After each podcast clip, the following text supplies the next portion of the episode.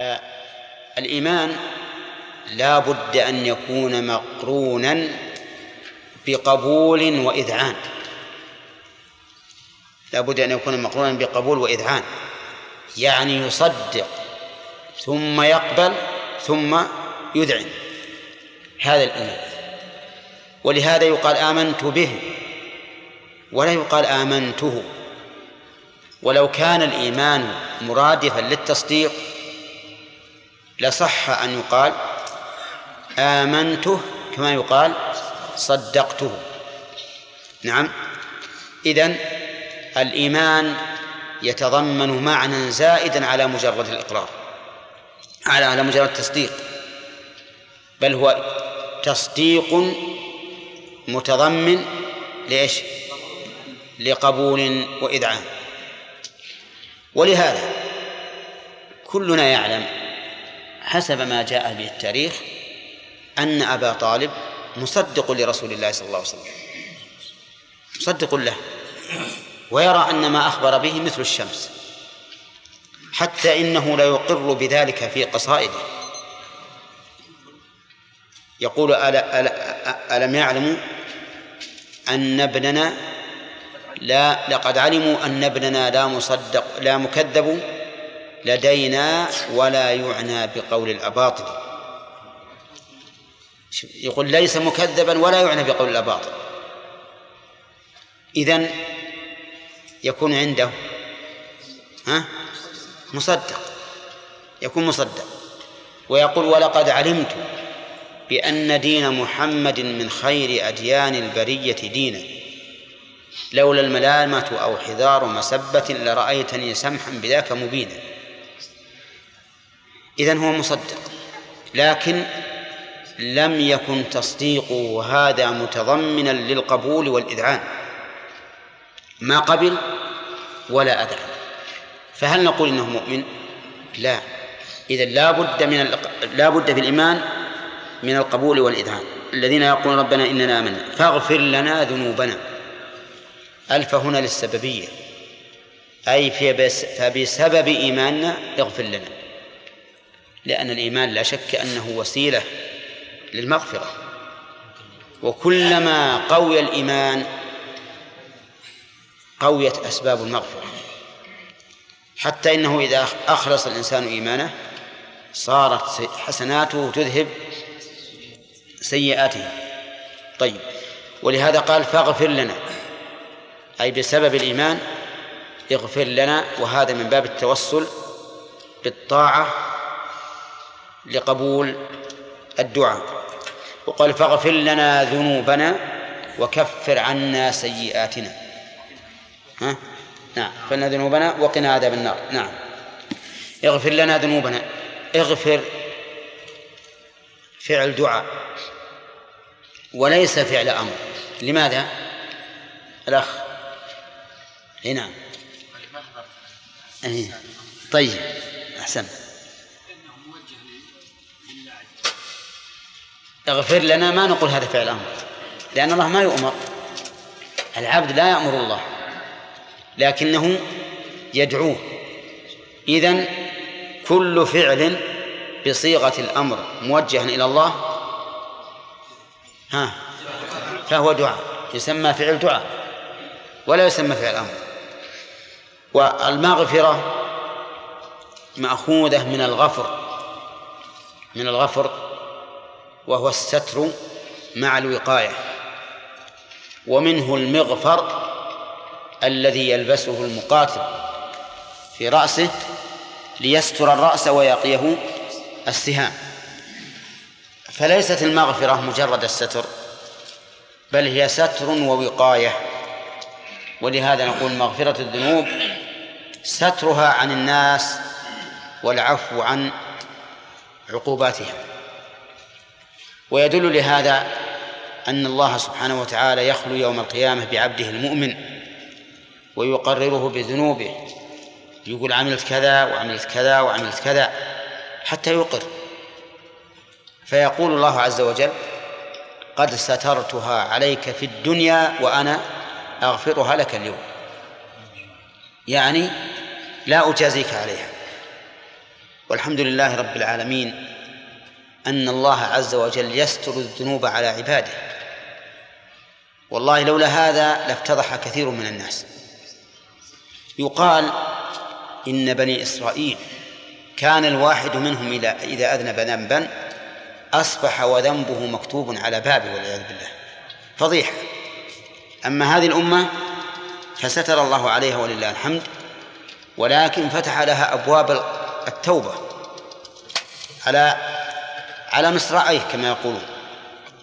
قل يا عبادي الذين أسرفوا على أنفسهم لا تقنطوا من رحمة الله إن الله يغفر الذنوب جميعا.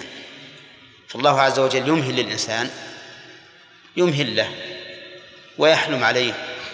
وإذا وفق اتعظ من نفسه بنفسه. هو نفسه يفكر ماذا عملت؟ وش أنا فعلت؟ فيستحي من الله عز وجل ويخشى أن يفضحه الله. لأن الإنسان إذا تجرع على ربه في السر فربما يفضحه في العلانية إذا لم يتب إذا لم يتب إلى الله عز وجل. فإن تاب تاب الله عليه وأبدل سيئاته حسنات. فاغفر لنا ذنوبنا. الذنوب هي المعاصي. المعاصي وهي إما قبائح وإما دون ذلك. وكلها تحتاج إلى مغفرة. كلها يستغفر الإنسان منها. ولا تظن أن الصغائر إذا كفر إذا إذا كفرت بالحسنات لا تظن أنها كما لو كفرت بالتوبة. لأن بينهما فرقا عظيما. إذا كفرت بالتوبة أبدلت السيئات بحسنات. إذا كفرت بالطاعات فإنها تمحى فقط لكن ما تبدل بحسنات. لا الله يقول إن الحسنات يذهبن السيئات. ويقول إلا من تاب وآمن وعمل عملا صالحا فأولئك يبدل الله سيئاتهم حسنات. وفرق بين الأمرين. فرق بين أن تذهب السيئة بالحسنة وبين أن تبدل السيئة حسنة. أليس كذلك؟ إذن لا تعتمد على تكفير الحسنات للسيئات فتقول إن سيئاتي مكفرة بحسناتي؟ لا. ثم إننا في الحقيقة حسناتنا. نرجو أن تك أن تبرئ ذممنا. يعني لا تقوى على أن تكفر. لا تظن أن أي صلاة تكفر لا. قد تكون صلاة لا تبرأ بها الذمة إلا كما يقولون بالدف. نعم. لأنها صلاة يفعلها الإنسان عادة ثم إذا دخل فيها بدأ يضارب بماله إن كان تاجرا وبدأ يقلب دفاتره إن كان طالبا. نعم. وبدأ ينظر إلى قدومه ومنشاره إذا كان نجارا. وهكذا. ولا تكثر الوساوس إلا إذا دخل في الصلاة. وإذا سلم طارت الوساوس هذه.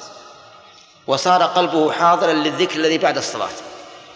أما الصلاة نفسها فهو يتجول في كل مكان وإذا سد بابا وإذا بالشيطان يفتح بابا بعيدا ما كان يطلع على باله أبدا. فإذا حاول سده وإذا باب آخر مفتوح وهكذا.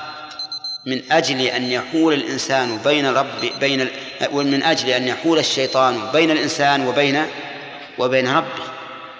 لأن الشيطان يعلم أن هذه الصلة التي بين الله وبين العبد وهي صلته بالله في الصلاة لها شأن عظيم ودور كبير في إصلاح العبد. قال الله تعالى إن الصلاة تنهى عن الفحشاء والمنكر. أتريدون أعظم من هذا؟ أن يكون في نفسك رادع ينهاك عن الفحشاء والمنكر. هذا هو هذا هو الذي يغيظ الشيطان.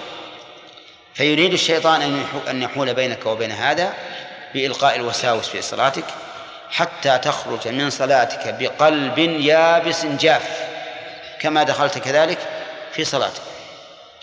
ولهذا أسأل الله أن يعيني وإياكم على إصلاح هذه العبادة العظيمة. لأنها إذا صلحت صلحت العبادات كلها كل العبادات.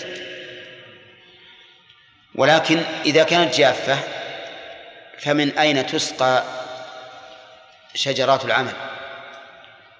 لا تسقى إلا إلا بماء. نعم.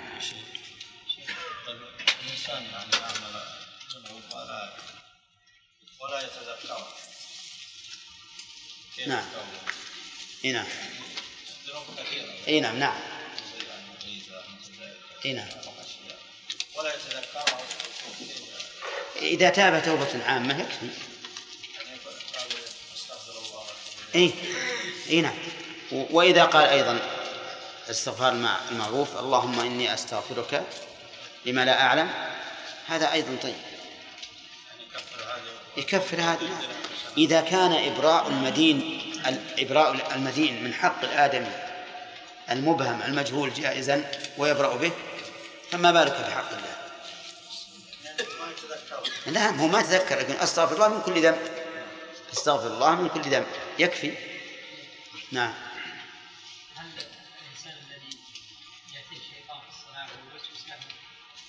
هل يكون من قوله تعالى ان عبادي ليس لك عليهم سلطان؟ لا. هذا السلطان نوعان. سلطان يضلهم به ولا يهتدون. هذا لا لا يمكن ان يكون على عباد الله المخلصين وسلطان يتسلط عليهم الشيطان لكن يمن الله عليه بالتوبة فيمحو ويهدم كل ما بناه الشيطان. يكون يكون سلطانه هذا بالحقيقة زيادة غم عليه. على الشيطان. ولهذا لا لا يرى الشيطان أحقر ولا أصغر من يوم عرفة لما يرى من تنزل الرحمة. فالشيطان قد يتسلط على الإنسان لكن إذا استغفر وغفر له زاد غمه. نعم. قوله أزواج مطهرة يعم نساء الدنيا أيضا؟ إي نعم. حتى نساء الدنيا في الجنة مطهرات من هذا.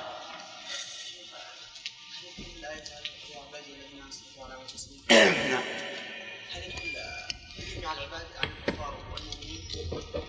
إي نعم. كل من تاب إلى الله فان الله يغفر ذنبه. وهذه الآية نزلت في التائبين. أم نعم أما قوله إن الله لا يغفر أن يشرك به فهذه نزلت في غير التائبين. إن الله لا يغفر أن يشرك به ويغفر ما دون ذلك لمن يشاء هذه في غير التائبين. أما قل يا عبادي الذين أسرفوا على أنفسهم فهذه في التائبين. نعم.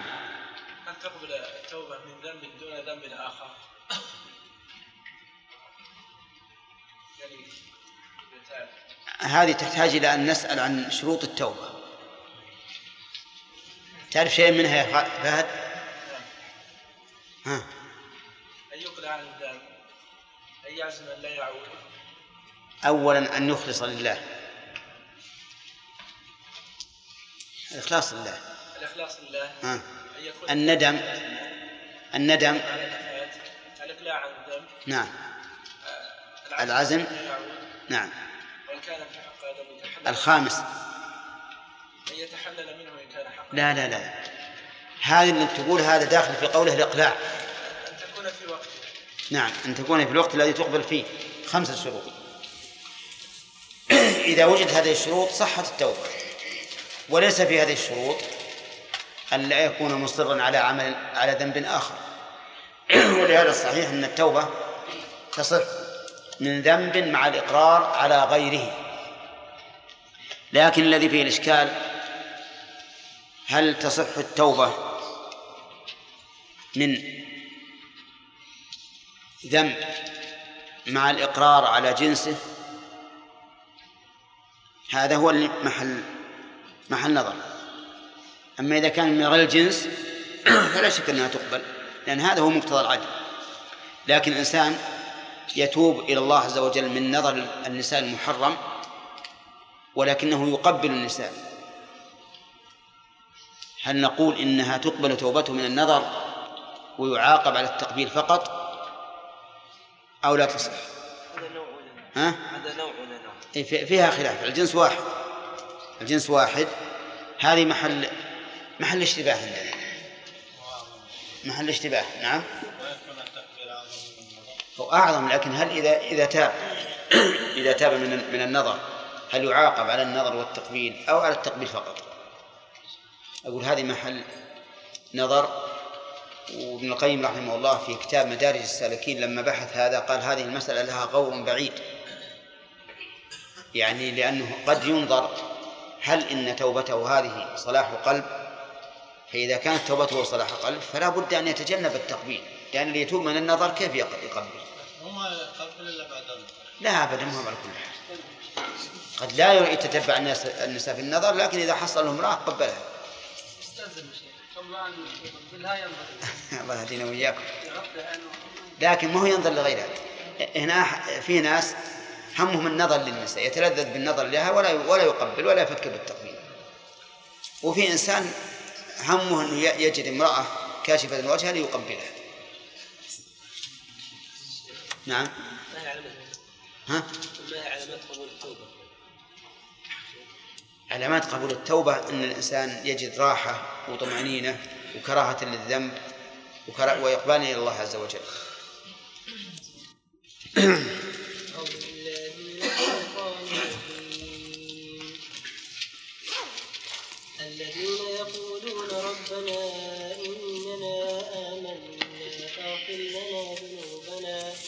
وقنا عذاب النار. الصابرين والصادقين والقانتين والمنفقين والمنفقين والمستغفرين بالأسحار. شهد الله أنه لا إله إلا هو والملائكة والملائكة وأولو العلم قائما بالقسط. لا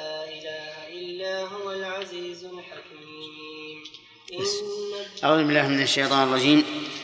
قال الله تعالى قل هل قل أنبئكم بخير من ذلكم؟ للذين اتقوا عند ربهم جنات تجري من تحتها الأنهار إلى آخره. المراد بالاستفهام هنا في قوله أنبئكم حجاج.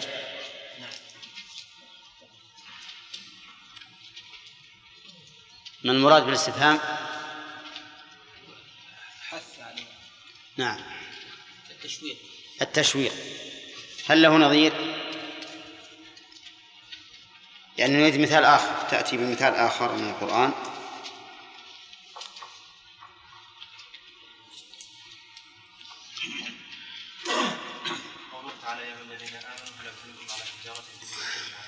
أحسنت. طيب. قوله للذين اتقوا عند ربهم ما موقع؟ الجملة مما قبلها في المعنى.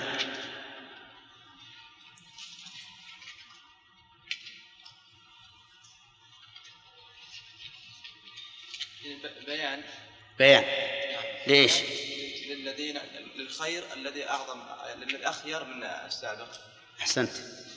بيان لل... لمن يستحق هذا الخير الذي هو أفضل مما سبق. قوله عند ربهم. يا عادل سليم ماذا تفيده هذه العندية؟ ها؟ تعظيم هذا هذا الجزاء. تعظيم وإيش؟ تشريف. كذا؟ لأن اللي عند الله ما في شك أنه مقرب إليه فيكون في ذلك شرف له. المراد يا عمر بالربوبية هنا. هذه ربوبية خاصة. الخاصة. إذن تنقسم الربوبية إلى قسمين. آه. ربوبية عامة تشمل جميع العباد. نعم. وربوبية خاصة خاصة بالمؤمنين وأخص وهي التي تخص الأنبياء والمرسلين. أحسنت. طيب. هل لك أن تأتينا بمثال يجمع بين المعنيين؟ قوله تعالى حكاية عن فرعون وموسى. قال فرعون وما رب العالمين؟ قال رب السماوات والأرض وما بينهما إن كنتم موقنين. هذه؟ ربوبية عامة. نعم. الربوبية الخاصة مثل هذه الآية. خالد. نعم يجمعهما قوله تعالى رب العالمين رب موسى قالوا آمنا. قالوا آمنا برب العالمين رب موسى وهارون. نعم تمام. قوله عز وجل تجري من تحتها الأنهار. ما معنى قوله من تحتها؟ على السطح تجري على سطح من بين أشجاره سطح كيف على سطحها والفوق من تحتها؟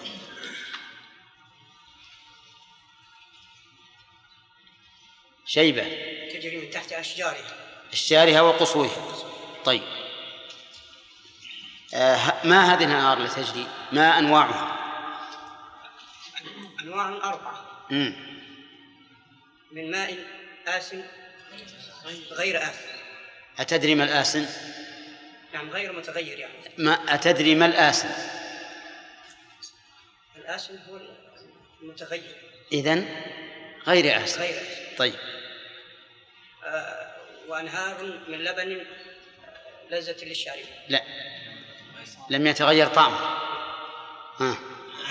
والثالث خمرة لذة من خمرة لذة للشارب من خمر لذة للشاربين. وأنهار من من عسل مصفى أحسن. هذه أربعة. طيب.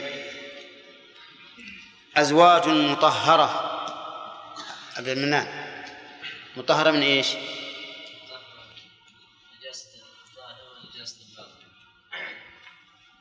الرجس الحسي والمعنوي طيب. الحسي مثل إيش؟ والبول والغائط. طيب. الباطني نعم. طيب. هل يشمل هذا أزواج الدنيا؟ يشمل. نعم. يعني أن أزواج ال- الأزواج من أهل الدنيا تكون مطهرة يوم القيامة. قوله رضوان فيها قراءتان عبد الرحمن بن داود. صحيح؟ إيه. بكسر الراء وضمها. رضوان ورضوان. طيب. أيما أعظم هذا النعيم المعدد أو الرضوان؟ الرضوان أفضل. لا السؤال عبد البندر. لأنك أخذت نعم. الرضوان أفضل باشا الدليل. رضا الله سبحانه وتعالى عن المؤمنين. أي ما هو الدليل؟ ما هو الدليل؟ قول الرسول عليه الصلاة والسلام في الحديث الذي أحل عليكم رضوان فلا. ما في شيء من القرآن؟ رضي الله عنهم ورضوا عنه. لا. ها يا أحمد؟ أشرت بيدك؟ ما أدري. ها؟ إيش تقول؟ قوله تعالى ورضوان من الله أكبر. قوله تعالى ورضوان من الله أكبر. أحسنت. الذين يقولون ربنا إننا آمنا. فهد يقولون بالقلب أو باللسان. طيب هل يكفي اللسان؟ الدليل. الدليل. نعم. من القرآن نعم.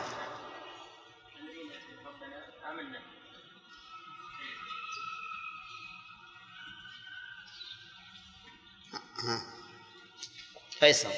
قوله تعالى ومن الناس من يقول آمنا بالله واليوم الآخر. وهم مؤمنين. وما هم بمؤمنين. طيب. إذا ليس المراد بقولهم يقولون ربنا إنا منا ليس المراد به القول باللسان إنما المراد القول باللسان والقلب. طيب. ما في شيخ. ها؟ ما في يصرف من الآية؟ ما أدري ما ما ما, ما نعرف حالها. نعم. يقول. أي وهذا أيضا تفيد لكن أسرع يقول من يقول وما هم بمؤمنين. نعم. طيب. قوله فاغفر لنا ذنوبنا. يلا سامي.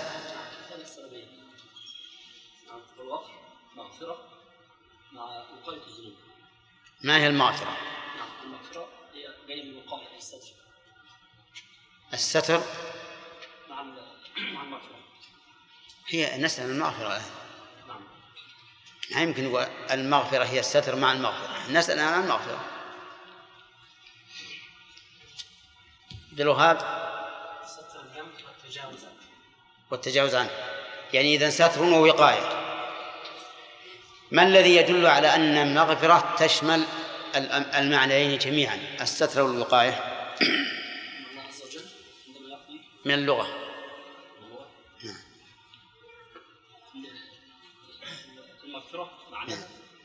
أي عرفنا معايا ستر الذنب والوقاية منه بالتجاوز.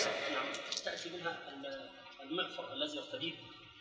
القلب مأخوذة من المغفر الذي يغطي به المحارب رأسه. نعم طيب.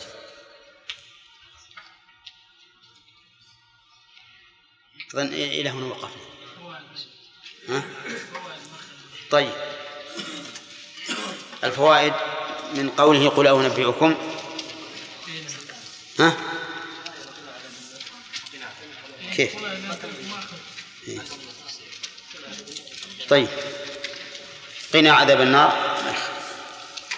أعوذ بالله من الشيطان الرجيم. قال الله تعالى وقنا عذاب النار. قنا القاف فعل دعاء. صح؟ القاف فعل دعاء. ها؟ لا خطأ. نقول قي. قي قي. فعل دعاء. ما نقول القاف؟ طيب. المال لزيد ماذا نقول؟ نقول لي حرف جر ولا اللام حرف جر؟ اللام حرف جر. ما الفرق بين لزيد وبين قنا ها. طيب. تلك من حرف واحد وذا من حرفين. قي حرف واحد. حذف الحرف العين ها. إيه. شنو؟ هو أصل من ثلاث من ثلاث تحرف. نقول لأن اللام حرف وقي. ها؟ فعل. فعل ولهذا لو كتبت لو كتبت قاف حرف هجائي لقلت قاف. إذا قي فعل أمر. زينته الصرفية؟ لا. عي. عي. كيف؟ لا زينته الصرفية عي. لأنه حذفت فاؤه ولامه. إذ أن أصله من وقى من وقى واو قاف ألف. كذا. فإذا حذفت الفاء واللام شقة تبقى العين تبقى العين. فيكون قي على وزن عي.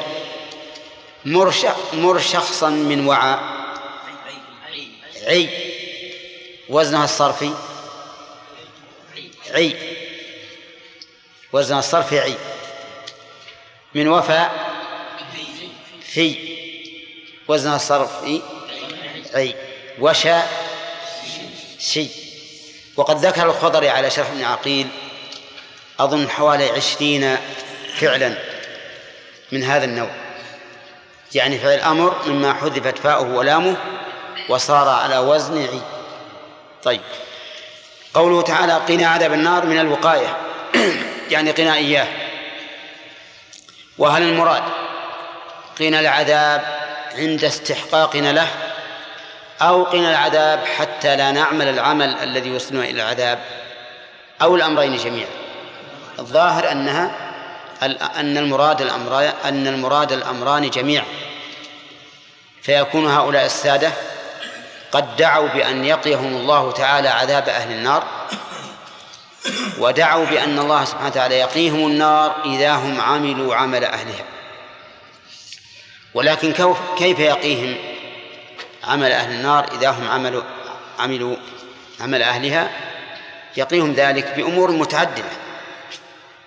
وقد ذكر العلماء أسباب مغفرة الذنب فبلغت نحو عشرة أسباب. منها أن يوفق الإنسان للتوبة. فإذا تاب الإنسان من الذنب وقاه الله تعالى عقاب ذلك الذنب. قل يا عبادي الذين أسرفوا على أنفسهم لا تقنطوا من رحمة الله إن الله يغفر الذنوب جميعا. ومنها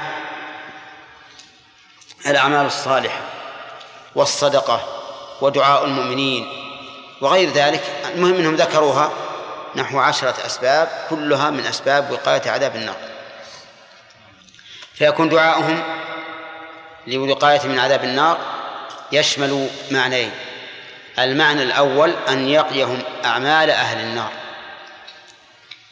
والثاني أن يقيهم العذاب بعد فعل موجب العذاب بعد فعل الموجب بأن ييسر لهم أسباب التوبة ومحو هذه الذنوب ولو بمشيئته عز وجل. فإن الله لا يغفر أن يشرك به ويغفر ما دون ذلك لمن يشاء. وقوله عذاب النار هذا مجمل لكنه مفصل في آيات كثيرة. قد بين الله سبحانه وتعالى عذاب أهل النار وأنه عذاب تتفطر منه الأكباد وتتفجر منه القلوب. إن في ذلك لذكرى لمن كان له قلب أو ألقى السمع وهو شهيد. ثم وصف الله تعالى هؤلاء السادة بقوله الصابرين. وهذه نعت لقوله للذين اتقوا عند ربهم. للذين اتقوا عند ربهم. للذين يقولون ربنا إننا آمنا. للصابرين إلى آخره. والصابر اسم فعل اسم فاعل من الصبر. وهو في الأصل الحبس. والمراد به شرعا حبس النفس. عن محارم الله. حبس النفس عن محارم الله. وأنواعه ثلاثة صبر على أقدار الله المؤلمة وصبر عن معاصي الله وصبر على طاعة الله عز وجل. ثلاثة أنواع صبر على طاعة الله وصبر على أقدار الله المؤلمة عن معصية الله وصبر على أقدار الله المؤلمة. أما الصبر على الطاعة فإن الإنسان يجد منه معاناة عظيمة معاناة عظيمة لأنه عندما يهم. بالطاعة تجد نفسه الأمارة بالسوء والشيطان يحاولان أن يصداه عن طاعة الله وتجده في عراك مع نفسه الأمارة بالسوء حتى إذا أعانه الله عز وجل على ذلك تغلب على هذين العدوين الشيطان والنفس الأمارة بالسوء واتقى وفعل ما أوجب الله أو ما أمر الله به. في المعصية لا سيما مع وجود الأسباب المقتضية لها.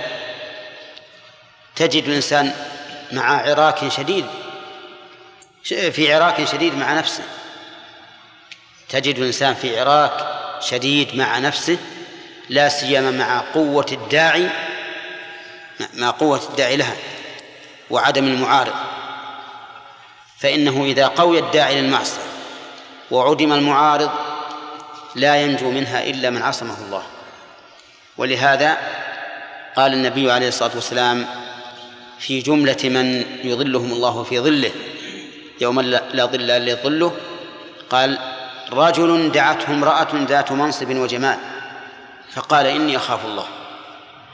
هذا الرجل صبر هذا الصبر العظيم عن محارم الله مع قوة الداعي وعدم إيش؟ المعارض. لم يقل هذا الرجل والله ما بشهوة. لا الرجل فيه الشهوة لم تكن المرأة قبيحة لا تشتهى بل هي ذات جمال. لم تكن المرأة من السوقة الذين ليس فيهم خير. بل هي ذات منصب وشرف ودعته لم يكن المكان آه، لم يكن المكان فيه أحد يعارض الوصول إلى إلى المقصود لأنه لم يقل حولنا أحد نخشى منه لكن فيه شيء واحد وهو الخوف من الله عز وجل. وهذا صبر عن إيش؟ عن معصية الله. صبر عن معصية الله. ولا شك أن في هذا مشقة عظيمة. شاب في مكان خالي عنده شهوة. دعته امرأة ذات منصب وجمال. هي دعته لنفسه وكثير من الناس لا يملك نفسه إذا حدثته المرأة الشابة الجميلة. لا يملك نفسه فكيف وهي تدعوه؟ ومع ذلك يقول إني أخاف الله. هذا صبر عظيم. ومنه صبر يوسف عليه الصلاة والسلام عندما دعته امرأة العزيز وهي سيدته. ولا شك أنها تجملت له وأنها فعلت جميع أسباب المغريات أو جميع المغريات لتصل إلى مقصودها. ولكنه عليه الصلاة والسلام رأى برهان ربه. وإلا فإن الأمر قد تم. همت به وهم بها لولا أن رأى برهان ربي فعند آخر لحظة عصمه الله عز وجل. وهذا أشد ما يكون من العفة وأقوى ما يكون من العفة. ألم تر إلى الرجل الإسرائيلي الذي كان يراود ابنة عمه عن نفسها وتاب عليه فلما ألمت بها سنة جاءت إليه ومكنته من نفسها فلما جلس منها مجلس الرجل من امرأته. في أشد ما يكون من التهيؤ قالت له اتق الله ولا تفض الخاتم إلا بحقه. وما الذي حصل؟ قام منها وهي أحب الناس إليه. ما كرهها. لم تزل نفسه تطلبها لكن لما ذكرته بالله عز وجل اتقى الله. فأقول هذا من الصبر عن معصية الله عز وجل. الثالث الصبر على أقدار الله المؤلمة. وهذا كثير. ومن ذلك أيوب عليه الصلاة والسلام. فإنه صبر صبرا عظيما. قال الله تعالى إنا وجدناه صابرا نعم العبد إنه أواب. فقد صبر على ما ألم به من الضر صبرا عظيما. وهذا أيضا والصبر أيضا على أقدار الله المؤلمة المترتبة على طاعة الله أعظم أجرا. كصبر الرسل على أذية الناس من أجل الدعوة إلى الله. لأن هؤلاء صبروا على الأقدار المؤذية. المترتبة على إيش؟ على فعل اختيار اختيار من اختياري منهم وهو طاعة الله بتبليغ رسالته. ونضرب مثلا لصبر سيد الخلق عليه الصلاة والسلام محمد عليه الصلاة والسلام حيث صبر صبرا عظيما لا يصبر عليه أحد. مع الحلم والأناء والعفو والتسامح. لما خرج إلى أهل الطائف يدعونه يدعوهم إلى الله يدعوهم إلى توحيد الله يدعوهم إلى الجنة ينقذهم من النار. ماذا حصل؟ اصطفوا صفين صفوا سفهاءهم صفين وقالوا اضربوا محمدا بالأحجار. فجعلوا يضربونه بالأحجار حتى أدموا عقبه فلم يفق إلا بقرن الثعالب عليه الصلاة والسلام. فجاءه ملك الجبال في هذه الحال التي يمكنها أن ينتقم من أعدائه وقال له إن الله أرسلني إليك وأمرني أن أطبق عليهم الأخشبين إن شئت. بإمكانه أن يقول أطبقها عليه. لأن لأن لأن الذي أرسله هو الذي يقول للشيء كن فيكون سبحانه وتعالى. لكنه قال لا أستأني بهم فلعل الله أن يخرج من أصلابهم من يعبد الله لا يشرك به شيئا. الله أكبر. وأظهر الله من أصلابهم من يعبد الله لا يشرك به شيئا. من نصر الله بهم الإسلام وفتح بهم مشارق الأرض ومغاربها. فانظر كيف كان عاقبة الصبر والحلم والأناة. وكان ذات يوم عليه الصلاة والسلام يصلي تحت بيت الله في آمن مكان على وجه الأرض ساجدا لله عز وجل. فجاء سفهاء قومه فأرسلوا واحدا منهم إلى جزور بني فلان فجاء بسلاها فرثها دمها فوضعه على ظهر النبي صلى الله عليه وسلم وهو ساجد. ساجد لله في آمن مكان في المكان الذي يأتمن أو يأمن فيه المشرك الكافر. يأمن من شر قريش ومحمد رسول الله صلى الله عليه وسلم لم يأمن من أذاهم. حتى جاءت ابنته فاطمة الصبية فأزالت الأذى عن ظهره. ومع ذلك صبر. وصابر ولم يخرج من مكة إلا بعد أن أذن الله له. هاجر قومه ولكنه هو أبى. لم يهاجر حتى أذن له عليه الصلاة والسلام. فكان عبدا لله في الإقامة وعبدا لله في الهجرة عليه الصلاة والسلام. المهم أن الصبر درجة عظيمة. يمتدح الله الصابرين. ويبين أنه يوفى الصابرون أجرهم بغير حساب. وهو درجة عالية لا تنال إلا بأمر يصبر عليه. لا تظن أن الصبر درجة بسيطة لا بد من شيء تصبر عليه. ولهذا على أهل العلم من المسؤولية التي يجب أن يصبروا على أذى الناس فيها ما ليس على غيرهم. كل من حمله الله علما فإن تحميله ذلك العلم عهد وميثاق بينه وبين ربه أن يبلغه إلى الناس وأن يدعو به الناس. قال الله تعالى وإذا أخذ الله ميثاق الذين أوتوا الكتاب لتبيننه للناس ولا تكتمونه. بماذا أخذ؟ هل أحد منكم أنتم الآن أعطاكم الله الكتاب هل أحد منكم شعر بأن الله أخذ عليه العهد والميثاق؟ ها؟ لا. لكن تعليم الله لكم هو عهد وميثاق. اختصكم الله بالعلم من بين سائر الجهلاء. هذا هو العهد والميثاق. يعني ما هو مبايعة حسية يشهدها الناس في المساجد أو في الفلوات ولكنه نعمة ينعم الله بها على الإنسان.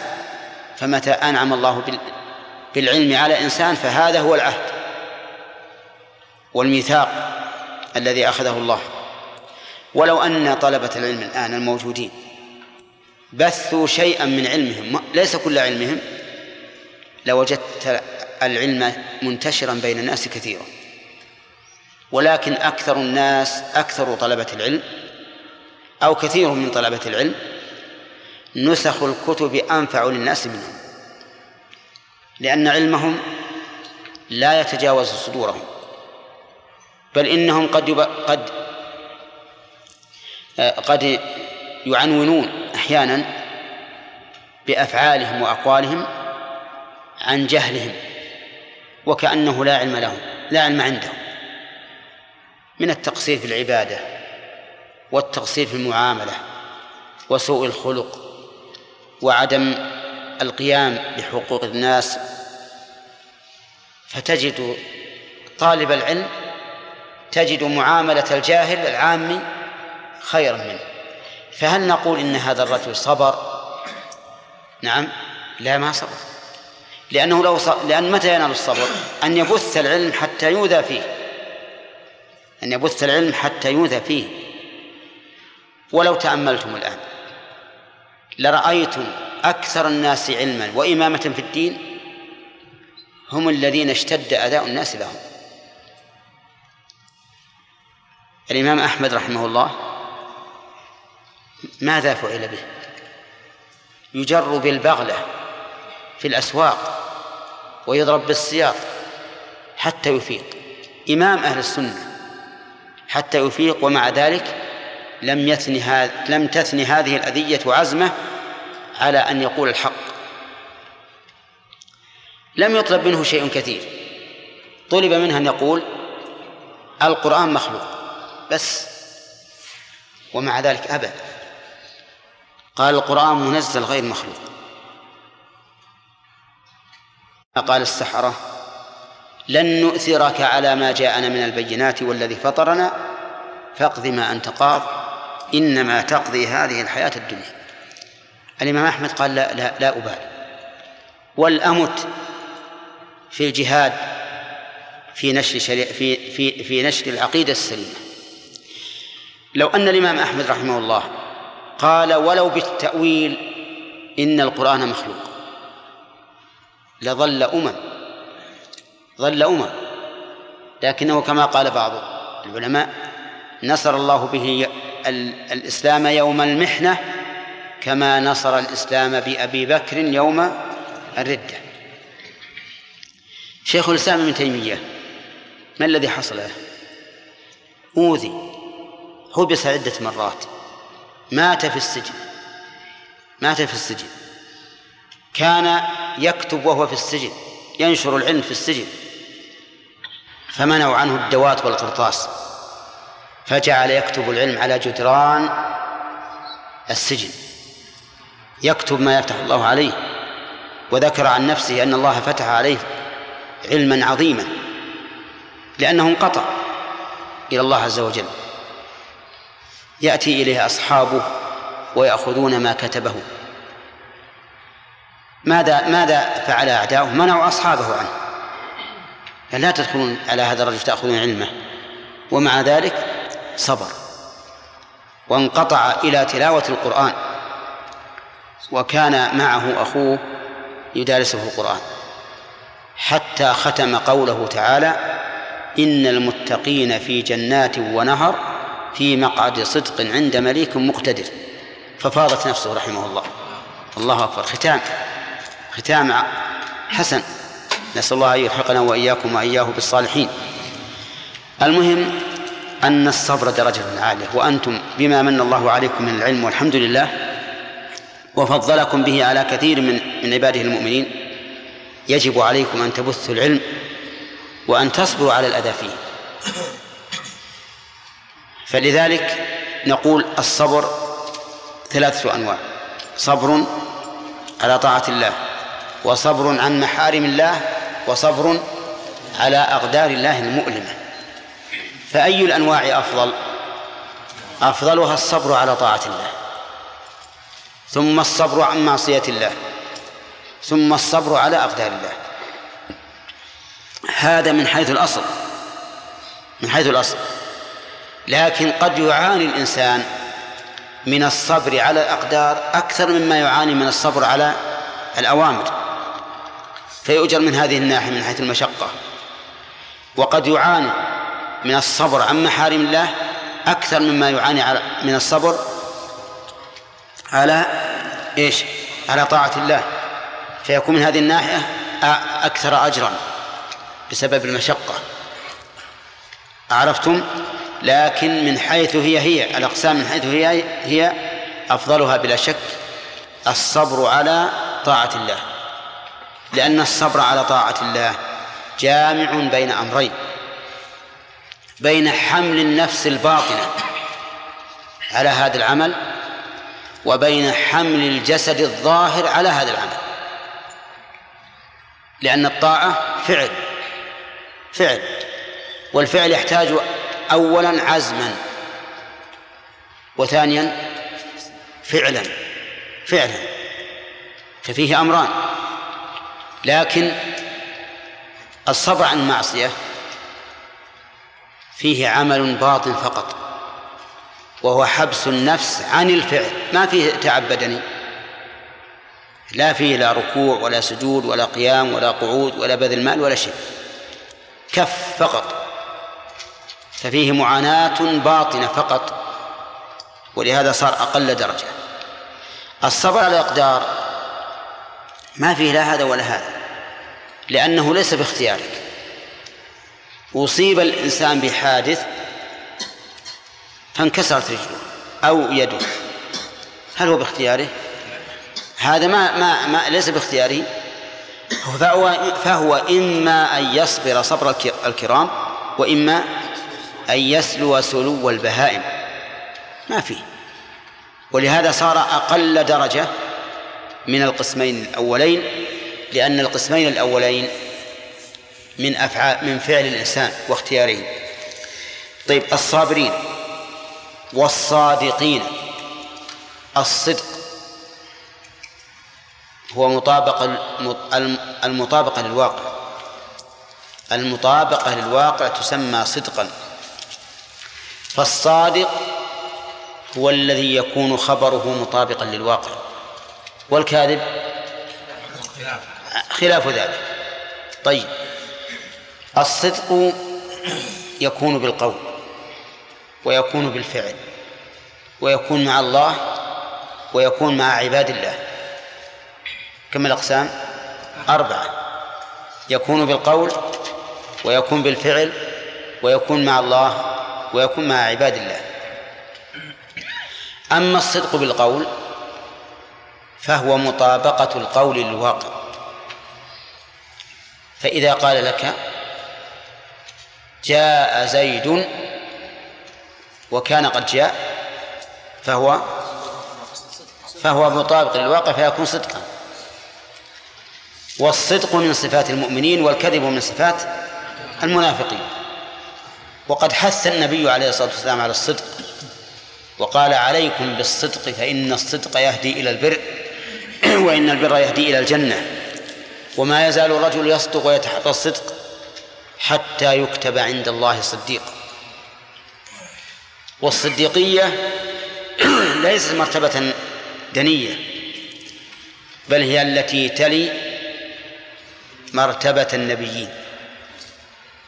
ولهذا كانت الصديقية في المرتبة الثانية من الذين أنعم الله عليهم من النبيين والصديقين والشهداء والصالحين. طيب هذا الصدق القول.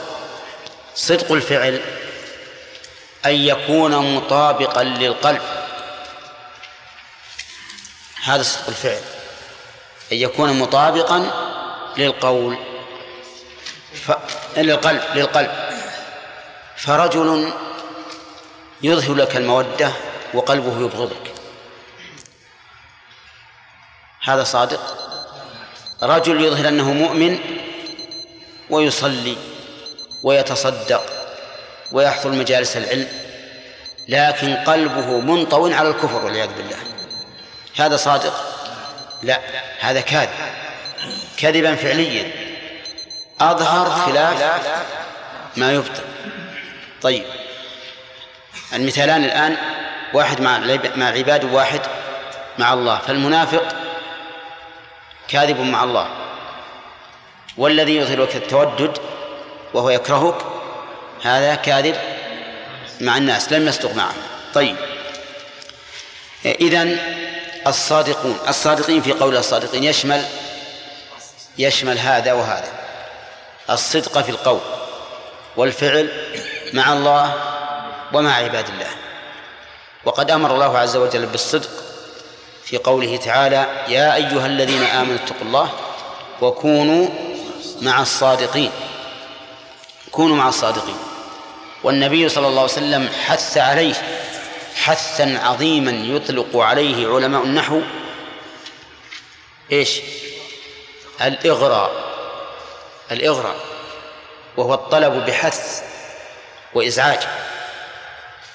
قال عليكم بالصدق وعاقبة الصادقين لا تخفى عليكم ولو لم يكن منها إلا ذلك المثال الفذ فيما نعلم الذي جرى من كعب بن مالك رضي الله عنه وهلال بن أمية ومرارة بن ربيع. حيث تخلفوا عن غزوة تبوك بدون عذر. فلما جاء الرسول صلى الله عليه وسلم إلى المدينة راجعا جاء المنافقون السطحيون يعتذرون إلى الرسول صلى الله عليه وسلم فيعذرهم لأنه صلوات الله وسلامه عليه لا يعلم الغيب. ولا ولا يأخذ الناس إلا بالظاهر. يعذرهم ويستغفر لهم ويولون. ويظنون أنهم كسبوا. يظنون أنهم هم الأذكياء الذين جمعوا بين تهدئة النبي عليه الصلاة والسلام وتهدئة الكفار. فصاروا إخوانا للمسلمين في الظاهر وإخوانا للكافرين في الباطن. إذا لقوا الذين آمنوا قالوا آمنا وإذا خلوا إلى شياطينهم ما قالوا إن كفرنا قالوا إن معكم. يعني كفر زيادة. يعني إنهم كافرون ويعينون الكفار طيب أما كعب بن مالك رضي الله عنه فكان قد أوتي جدلا وخصومة وجيدا في ذلك لكنه أمام من؟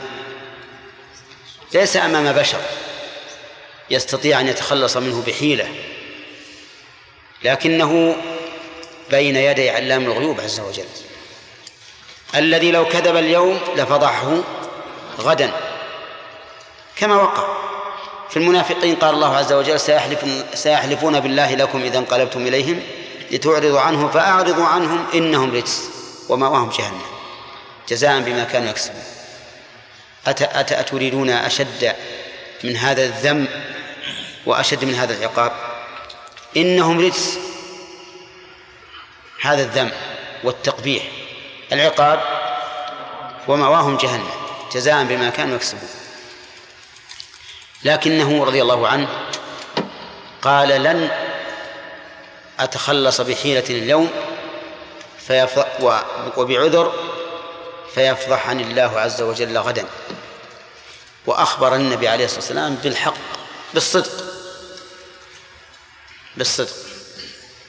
فجاء التوقيع من الله عز وجل بامتحان هؤلاء الثلاثة.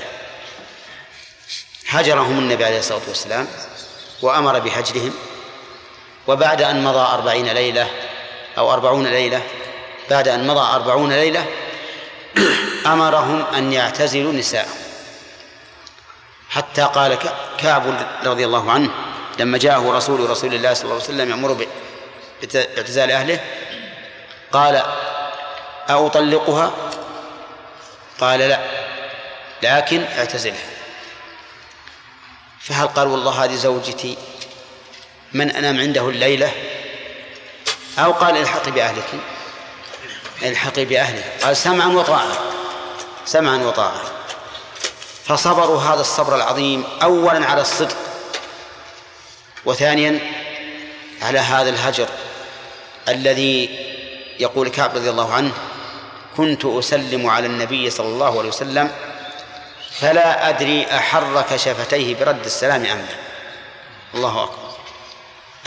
النبي عليه الصلاة والسلام أحسن الناس خلقا وأعظم الناس بشاشة وأحسن الناس ردا يسلم عليه كعب ولا يدري هل رد السلام أم لا. ويسلم على أبي قتادة بن عمه وهو أحب الناس إليه يسلم عليه ولا يرد عليه. أبو قتادة. مع أنك لو جئت اليوم في العصبية نعم هل يترك ابن عمه لمثل هذه الأمور؟ ها؟ أبدا. والعلم عند الله ما ما يترك. لكن أبو قتادة رضي الله عنه يسلم عليه كعب ويقول ما ما يرد عليه السلام. يقول فقلت له أنشدك الله. هل تعلم أني أحب الله ورسوله؟ فقال بعد أن سكت هنيهة قال الله أعلم. الله أعلم. ما أتى بخطاب. ما قال نعم ولا لا. قال الله أعلم. والعلم عند الله أن أن أبا قتادة ما أراد بذلك جواب كعب. إنما أراد الخبر أن الله سبحانه وتعالى أعلم من كل أحد. ولكن بعد هذا الصبر العظيم وش النتيجة؟ النتيجة نزول آيات تتلى في شأنهم إلى يوم القيامة. لن ينسى ذكرهم أبدا. يمكن ينسى من هو أفضل منهم من الصحابة ولكن هؤلاء لا ينسى ذكرهم. إيش من فضلك؟ الجزاء العظيم على هذا الصبر. وعلى الثلاثة الذين خلفوا يعني وتاب على الثلاثة الذين خلفوا حتى إذا ضاقت عليهم الأرض ما رحبت وضاقت عليهم أنفسهم وظنوا أن لا ملجأ من الله إلا إليه ثم تاب عليهم ليتوبوا. إن الله هو التواب الرحيم. ثم أمر المؤمنين بمثله بأن يكونوا مثله. فقال يا أيها الذين آمنوا اتقوا الله وكونوا مع الصادقين. والمهم أن الصدق خلق عظيم عال رفيع لا يناله إلا من وفق حتى يكون في الدرجة الثانية ممن أنعم الله عليهم. لا يزال الرجل يصدق ويتحرى الصدق حتى يكتب عند الله صديقا.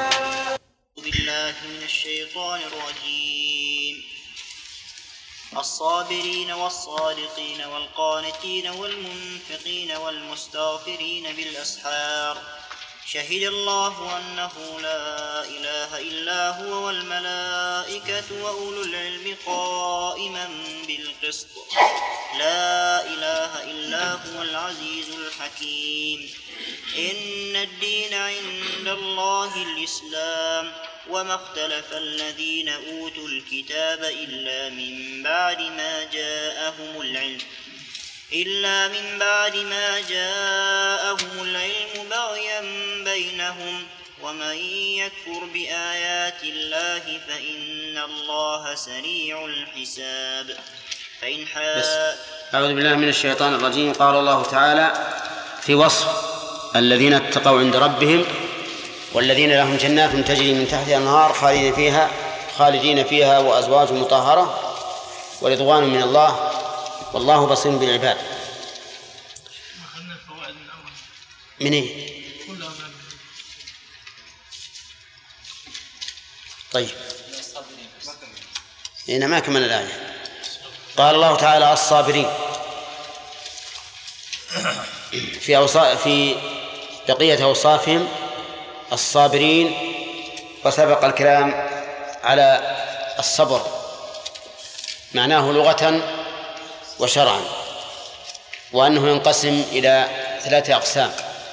صبر على طاعة الله وصبر عن معصية الله وصبر على أقدار الله المؤلمة. ثم قال والقانتين. القانتين اسم فاعل من القنوت. ونعم والصادقين. وسبق الكلام أيضا على الصدق. وبينا أن أنه صدق في المقال والفعال والعقيدة.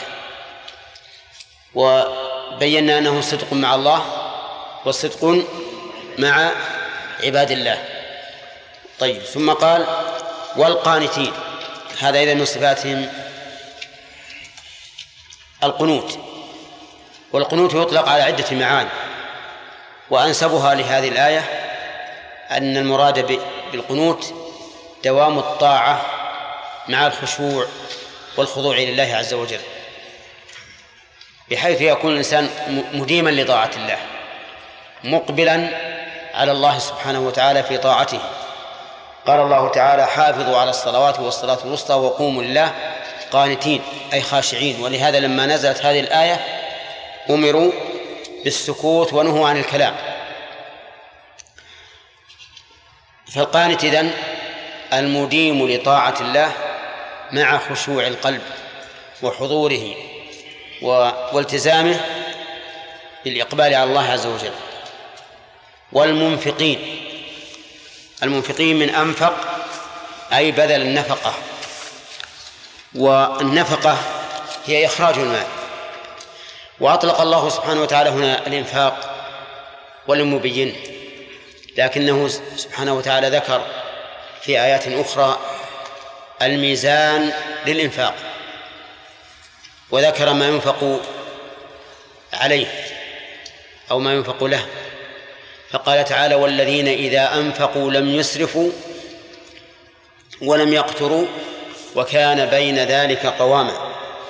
وقال سبحانه وتعالى ولا تجعل يدك مغلولة إلى عنقك ولا تبسطها كل البسط. فهذا هو الميزان في الإنفاق أن لا يكون الإنسان مقترا ولا مسرفا. وإذا جعلنا هذا هو الميزان صار هذا الميزان يختلف باختلاف الأحوال والأزمان والبلدان. فقد يكون الإنفاق إسرافا بالنسبة لشخص وليس بإسراف بالنسبة لآخر. فإنفاق الغني فإنفاق الفقير ليس كإنفاق الغني. ولهذا قال الله تعالى لينفق ذو سعة من سعته ومن قدر عليه رزقه فلينفق مما أتاه الله. وإنفاق المتوسط بينهما. كذلك أيضا يختلف باختلاف الزمان.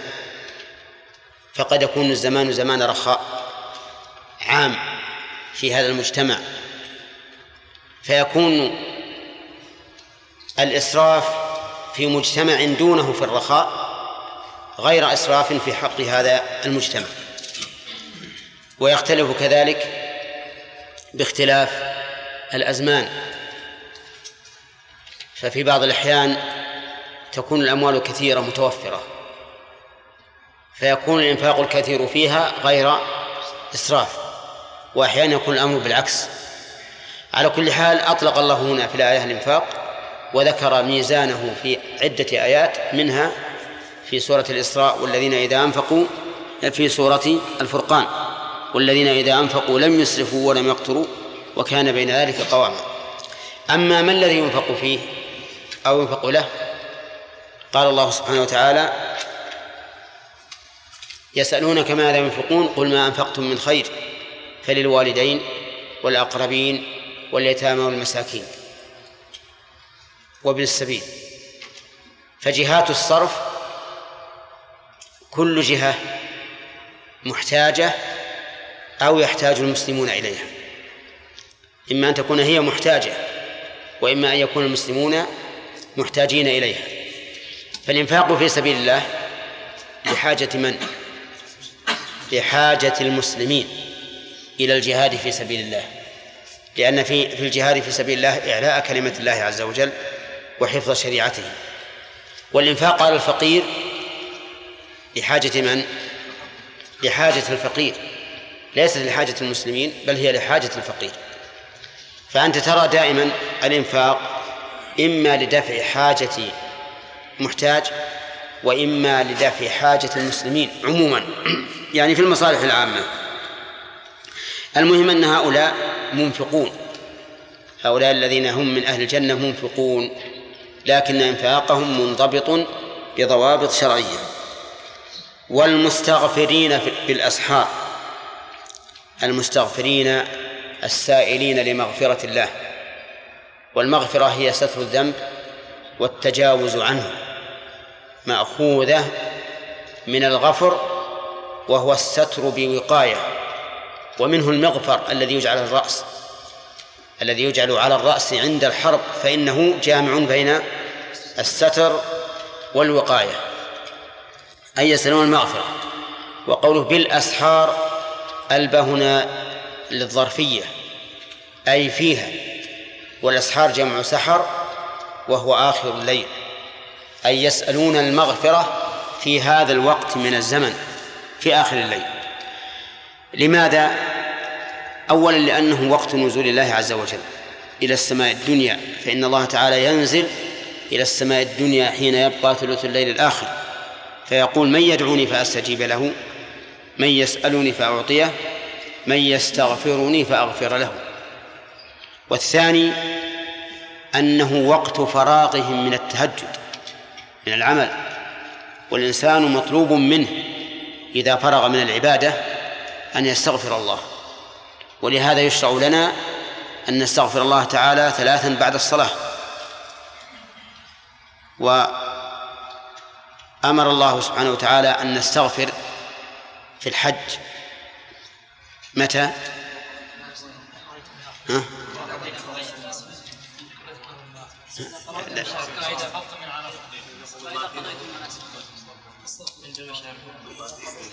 ثم أفيضوا من حيث أفاض الناس. واستغفروا الله إن الله غفور رحيم. كذلك أيضا في آخر الليل بعد التهجد يسأل الله سبحانه وتعالى يسأل الله المتهجد يسأل الله المتهجد المغفرة وهذا أي سؤال المغفرة؟ بعد الانتهاء من العبادة فيه كمال الذل لله عز وجل وأن الإنسان لا يعجب بعمله بل يخشى من التقصير فيه فلهذا يستغفر.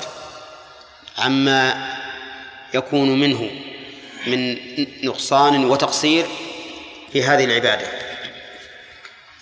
ثم قال الله عز وجل شهد الله أنه لا إله إلا هو والملائكة وأولو العلم قائما بالقسط. لا إله إلا هو العزيز الحكيم. شهد الله. الشهادة قد تكون بالقول وقد تكون بالفعل. وشهادة الله سبحانه وتعالى لنفسه بانفراده بالألوهية كشهادته لرسوله صلى الله عليه وسلم بأنه أنزل عليه الكتاب. فهنا قال شهد الله أنه لا إله إلا هو. وقال تعالى لكن الله يشهد بما أنزل إليك أنزله بعلمه والملائكة يشهدون. وهنا قال شهد الله أنه لا إله إلا هو والملائكة. فشهادته لنفسه بالوحدانية وشهادته لنبيه صلى الله عليه وسلم بالرسالة هو الملائكة والشهادة كما قلت قولية كما في هذه الآية. وكما في آية النساء لكن الله يشهد بما أنزل إليك وفعلية وفعلية وهو ما وهي أي الشهادة ما يظهره الله سبحانه وتعالى من آياته. فإن ما يظهره من آياته شهادة له بالوحدانية. كل الكائنات تشهد لله عز وجل بالوحدانية إما بلسان المقال وإما بلسان الحال. كذلك تأييده النبي صلى الله عليه وسلم بالنصر وجعل العاقبة له شهادة له بأنه رسول الله حقا. فشهادة الله لنفسه بالوحدانية أقول إنها تكون بالقول وتكون بالفعل. في الآية الكريمة الشهادة بالقول ولا بالفعل؟ بالقول. شهد الله يعني أخبر عن نفسه بأنه يشهد أنه لا إله إلا هو. سبحانه وتعالى لا إله إلا هو مر مر مرت علينا هذه كثيرا ويجب على كل مسلم أن يعرف معناها وأن يعرف مقتضاها أيضا. معناها أنه لا معبود حق إلا الله. هذا الآية. كل ما عبد من دون الله فهو باطل. وإن سمي إلها فإن ألوهيته مجرد تسمية. لكن هو لا يستحق الألوهية. وإن كان هؤلاء عبدوه واتخذوه إلها لكن هو نفسه أي المعبود من دون الله ليس بإله. قال الله تعالى ما تعبدون من دونه إلا أسماء سميتموها أنتم وآباؤكم ما أنزل الله بها من سلطان. وليست مسميات وكيف تكون مسميات مطابقة للواقع وهي آلهة باطلة؟ هذا لا يمكن. إذن لا إله أي لا معبود حق إلا الله. وأما المعبود باطل فهو موجود. كما سمى الله تعالى الأصنام آلهة في قوله تعالى واتخذوا من دون الله آلهة لعلهم ينصرون وقال فما أغنت عنه آلهتهم التي يدعون من دون الله لما جاء أمر ربك وقال إنكم وما تعبدون من دون الله حسب جهنم والآيات في هذا كثيرة. وقال فلا تجعل مع الله إلها آخر فتكون من المعذبين. ولا تدع مع الله إلها آخر لا إله إلا هو كل شيء هالك إلا وجهه كل هذه المعبودات تسمى آلهة لكن هل هي هل هذا الاسم مطابق للواقع؟ ها؟ لا. فمعنى لا إله إلا الله أي لا معبود حق إلا الله عز وجل. ويلزم من كونه المعبود أن يكون هو الرب. كما كما يلزم من كونه الرب أن يعبد وحده.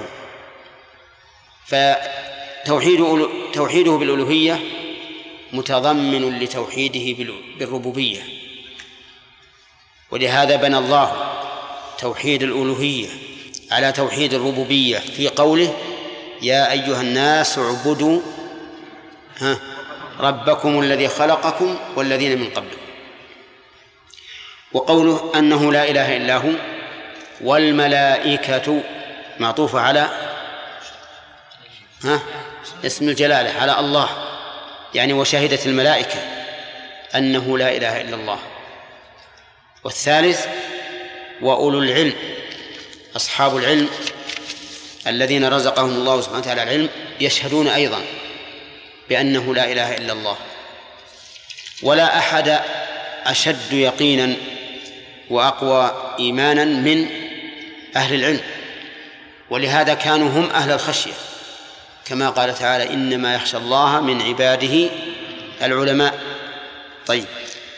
أولو العلم والمراد بأولو العلم هنا ليس هو العلم الدنيوي أو علم طبائع الأشياء أو علم الأشياء أسرار الكون بل المراد بالعلم العلم بالله عز وجل. والعلم بالله الذين عرفوا الله عز وجل بآياته الكونية والشرعية هم الذين شهدوا له بالوحدانية قائما بالقسط قائما حال من الله يعني حال كونه قائما بالقسط أي بالعدل بالعدل في أحكامه التكليفية والعدل في أحكامه القضائية والجزائية فهو عدل في أحكامه التكليفية ليس في أحكام الله تعالى التكليفية جور كلها عدل بل إنها مع كونها عدلا تتضمن الفضل والعفو والإحسان ولهذا قال الله عز وجل لا يكلف الله نفسا إلا وسعها وقال عز وجل أولئك يسارعون بالخيرات وهم لها سابقون ولا نكلف نفسا إلا وسعها. وهذا ليس هذا أم هذا أمر زائد على العدل لأنه متضمن للعفو والتسامح. كذلك في في الجزاء. عدل في جزائه لا يظلم أحدا أبدا بل هو ذو فضل في جزائه أيضا فإنه يجزي الحسنة بعشر أمثالها إلى سبعمائة ضعف إلى أضعاف كثيرة والسيئة بمثلها أو يعفو بمثلها أو يعفو إلا من كان كافرا لا ليس أهل العفو فلا يعفى عنه. طيب إذن قائما بالقسط في أحكامه التكليفية وفي قضائه. كذلك قائم هو قائم بالقسط بالفصل بين عباده بالفصل بين عباده فإن الله سبحانه وتعالى يقضي للمظلوم من من الظالم. إما بإجابة دعوة المظلوم إن دعا على ظالمه في الدنيا كما قال النبي عليه الصلاة والسلام لمعاذ بن جبل وقد بعثه إلى اليمن إياك وكرائم أموالهم واتق دعوة المظلوم فإنه ليس بينها وبين الله حجاب. وإما بمجازات بالأخذ منه من حسناته يوم القيامة. كما قال الرسول عليه الصلاة والسلام من تعدون المفلس فيكم قالوا من لا درهم عنده ولا متاع أو قالوا ولا دينار. قال المفلس من يأتي يوم القيامة بحسنات أمثال الجبال. فيأتي وقد ظلم هذا وضرب هذا وشتم هذا وأخذ مال هذا فيأخذ هذا من حسناته وهذا من حسناته وهذا من حسناته فإن بقي من حسناته شيء وإلا أخذ من سيئاتهم فطرح عليه وطرح في النار. فلا بد لا بد من العدل بين العباد. ولهذا قال العلماء رحمهم الله إن الحقوق التي بين العباد من الديوان الذي لا يترك الله منه شيئا. فلا بد أن يقتص للمظلوم من الظالم. طيب. فإن قال قائل أليس الناس يصابون؟ بالنكبات من الخوف والجوع ونقص من الأموال والأنفس والثمرات. فالجواب بلى. فإن قالوا ألا يكون هذا ظلما؟ فالجواب كلا ليس بظلم لأن هذا بما كسبت أيدي الناس. ظهر الفساد في البر والبحر. بما كسبت أيدي الناس ليذيقهم بعض الذي عملوا لعلهم يرجعون. إذن فهذه المصائب فضل لأن المقصود بها تأديب الخلق وردعهم حتى يرجعوا إلى الله عز وجل. فليس هذا من باب الظلم في شيء بل هو من باب الجزاء بالعمل لغاية حميدة وهي رجوع الناس عن عن ظلمهم. وقد قال الله تعالى ولو يؤاخذ الله الناس بما كسبوا ما ترك على ظهرها من دابة ولكن يؤخرهم إلى أجل مسمى. مر علينا الفرق بين ال- القسط والإقساط ها؟ وقلنا إن قسط بمعنى لا. قسط بمعنى جار وأقسط بمعنى ها؟ عدل بمعنى عدل. وهنا قال قائما بالقسط لأن القسط نفسه هو العدل. لكن قصد الفعل بمعنى جار. وأقسط بمعنى عدل يعني أحل القسط. كما قال تعالى ونضع الموازين القسط ليوم القيامة. قائما بالقسط. لا إله إلا هو. هذا حكم بعد الشهادة. فشهد الله لنفسه بأن لا إله إلا هو. وحكم لنفسه أيضا بأن لا إله إلا هو. فاجتمع في كلامه عز وجل الشهادة والحكم. فكان شاهدا لنفسه حاكما لها. بالألوهية. فهذه الجملة لا إله إلا هو حكم وتصديق. لأن المعروف في المحاكمات والمرافعات أن تؤدى الشهادة أولا ثم يحكم. فالله تعالى شهد أولا وأخبر بمن شهد معه. وثانيا حكم. فقال لا إله إلا هو. وسبق أن المتكلمين يفسرون هذه الجملة العظيمة بأن المراد بها إيش؟ القادر على الاختراع. ففسروها بما يقر به المشركون ولم يكونوا موحدين. فالمشركون يقرون بأن الله هو القادر على كل شيء وأن الله هو الخالق. الرازق المحيي المميت المدبر الأمر ومع ذلك فهل هم موحدون؟ لا بل هم مشركون قاتلهم الرسول عليه الصلاة والسلام لأنهم لم يحققوا معنى لا إله إلا الله. وتعجب أن يكون هؤلاء المشركون أفهم من هؤلاء المتكلمين بمعنى ها لا إله إلا الله. هؤلاء المتكلمون كثير من من المتأخرين أيضا إذا وجد قرأت كتبهم وجدت كلامهم في الألوهية يدور على تحقيق الربوبية فقط وهذا نقص عظيم. الربوبية يقر بها المشركون ولم يجعلهم الرسول عليه الصلاة والسلام موحدين ولم يجعل إقرارهم هذا مخرجا لهم من الكفر ولا عاصما لدمائهم وأموالهم ولا منجيا لهم من النار. بل قاتلهم واستباح دماءهم وأموالهم وسبي نسائهم وذرياتهم وهم يقولون ربنا الله. وإذا سئل من خلق السماوات والأرض قالوا الله. وإذا سئل من خلقهم قالوا الله. وإذا سئل من يحيي ويميت قالوا الله. وإذا سئل من يدبر الأمر قالوا الله. ومع ذلك لم ينفعهم هذا الإيمان.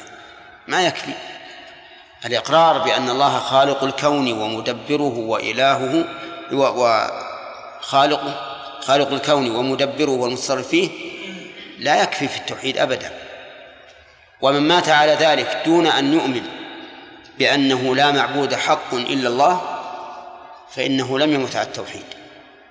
طيب وقول العزيز الحكيم العزيز أي ذو العزة والعزة تفسر بثلاثة معاني. عزة القدر وعزة القهر وعزة الامتناع. أما عزة القدر فمعناها أن الله تعالى ذو القدر العظيم والسيادة والشرف والعظمة إلى غير ذلك من معاني القدر والرفعة. والثاني عزة الامتناع. يعني أنه يمتنع أن يناله السوء. ومن هذا قولهم في الأرض الشديدة الصلبة أرض عزاز يعني قوية وصلبة لا ينالها شيء. طيب والثالث عزة القهر أي أنه الغالب لكل شيء. ومنه قوله تعالى فقال أكفلنيها وعزني في الخطاب يعني غلبني. هذه الأنواع الثلاثة كاملة لله عز وجل من جميع الوجوه. فهو ذو القدر العظيم وهو ذو الامتناع الذي يمتنع عليه النقص بوجه من الوجوه وهو الغالب الذي لا يغلبه شيء. يقول الشاعر الجاهلي أين المفر والإله الطالب والأشرم المغلوب ليس الغالب. فالله عز وجل غالب لكل شيء. أما الحكيم فإنه مأخوذ من الحكم ومن الإحكام. فهو ذو الحكم وذو الإحكام. أما الحكم فإنه ينقسم إلى كون وشرع والإحكام بمعنى الإتقان والإتقان يستلزم الحكمة وهي وضع الأشياء في مواضعها. تنقسم أيضا الحكمة إلى قسمين. حكمة صورية بمعنى أنه أن الشيء على هذه الصورة موافق للحكمة. وإن شئنا قلنا بدل صورية لئلا يفهم منها معنى فاسد حكمة حالية وحكمة غائية. فالحكمة الغائية الحالية ما عليه الشيء في الحال والحكمة الغائية ما ينتهي إليه الشيء. كذلك أيضا تكون الحكمة في الأحكام الكونية وفي الأحكام الشرعية. وعلى هذا فإذا ضربت اثنين في اثنين بالنسبة للحكمة بلغت أربعة حكمة حالية في الحكم الكوني. حكمة حالية في الحكم الشرعي. حكمة غائية في الحكم الكوني وحكمة غائية في الحكم الشرعي. كذا هداية الله. آه كم قلنا؟ حكمة ها؟ أخاف أنك ما أدركت حتى تنسى لا أدركت ولا؟ ها؟ يطير؟ أنا ما قريب كيف يطير؟ طيب. طيب. محمد. الحكم الحالية في الحكم الشرعي وفي الحكم الكوني. هذه اثنتين. وحكمة غائية في الحكم الشرعي وفي الحكم الكوني. صح. هذه أربعة. فهمت؟ طيب. آه، الحكيم إذن من الحكم والإحكام. والحكم ذكرنا أنه كوني وشرعي.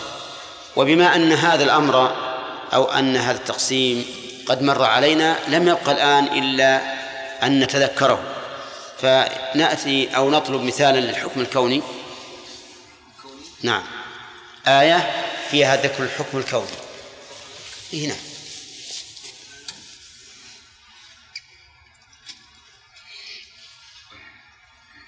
أحمد؟ لا. حكم. نعم. نعم. فلن أبرح الأرض حتى يأذن لي أبي أو يحكم الله لي وهو خير الحاكمين. طيب الشرعي. قوله تعالى ذلك حكم الله يحكم بينكم والله اعلم وين فيه؟ المهاجرات. إيه؟ لما ذكر حكم المهاجرات وما يتعلق بهن قال ذلكم حكم الله يحكم بينكم والله عليم حكيم. طيب ذكرنا أن الحكم الشرعي في- فيه حكمة حالية وحكمة غائية. نعم. حكمة حالية وحكمة غائية نعم. مثل الصلاة. مثل الصلاة الحكمة الحالية هي الركوع السجود يعني كونها على هذا الصفة المعينة. هذه الصفة المعينة التي الشرع نعم. الحكمة الغائية هي الابتعاد عن المنكرات. الأشياء التي يعني ما يترتب عليها من الآثار الحميدة و... و... والثواب الجزيل. كذا؟ طيب في الأمور الكونية يس. الحكمة الحالية.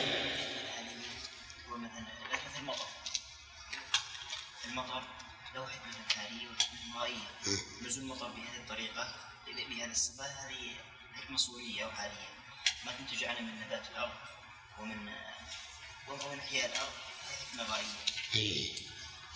سمعتم؟ ها؟ ما سمعت يقول المطر نزوله على هذا الوجه قطرات لا تؤثر على الناس ولا على مواشيهم ولا على بنائهم ومن علو من فوق التي تشمل المرتفع في الأرض والنازل هذه حكمة إيش؟ حالية حكمة الغائية ما ينتج عن هذا المطر العظيمة فهي حكمة غائية فالحاصل أن أن الله حكيم بهذه الوجوه. يقول العزيز الحكيم الجمع بينهما له فائدة إن شاء الله تذكر في الفوائد. نأخذ الفوائد كما يلح علينا الأخ.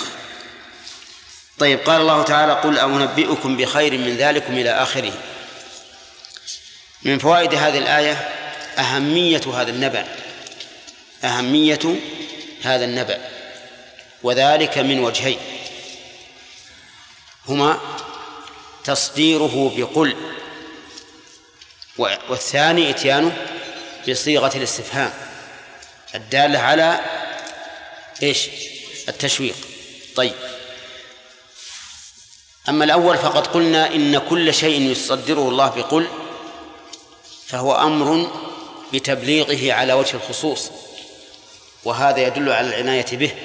وإلا فكل القرآن قد أمر النبي صلى الله عليه وسلم أن يقوله للأمة. ومن فوائد الآية الكريمة أن النبي صلى الله عليه وسلم عبد يؤمر وينهى. لقول الله تعالى قل أأنبئكم وليس له حق في الربوبية أبدا فهو لا يحيي ولا يميت ولا يرزق ولا يدفع الضر عن نفسه ولا عن غيره ولا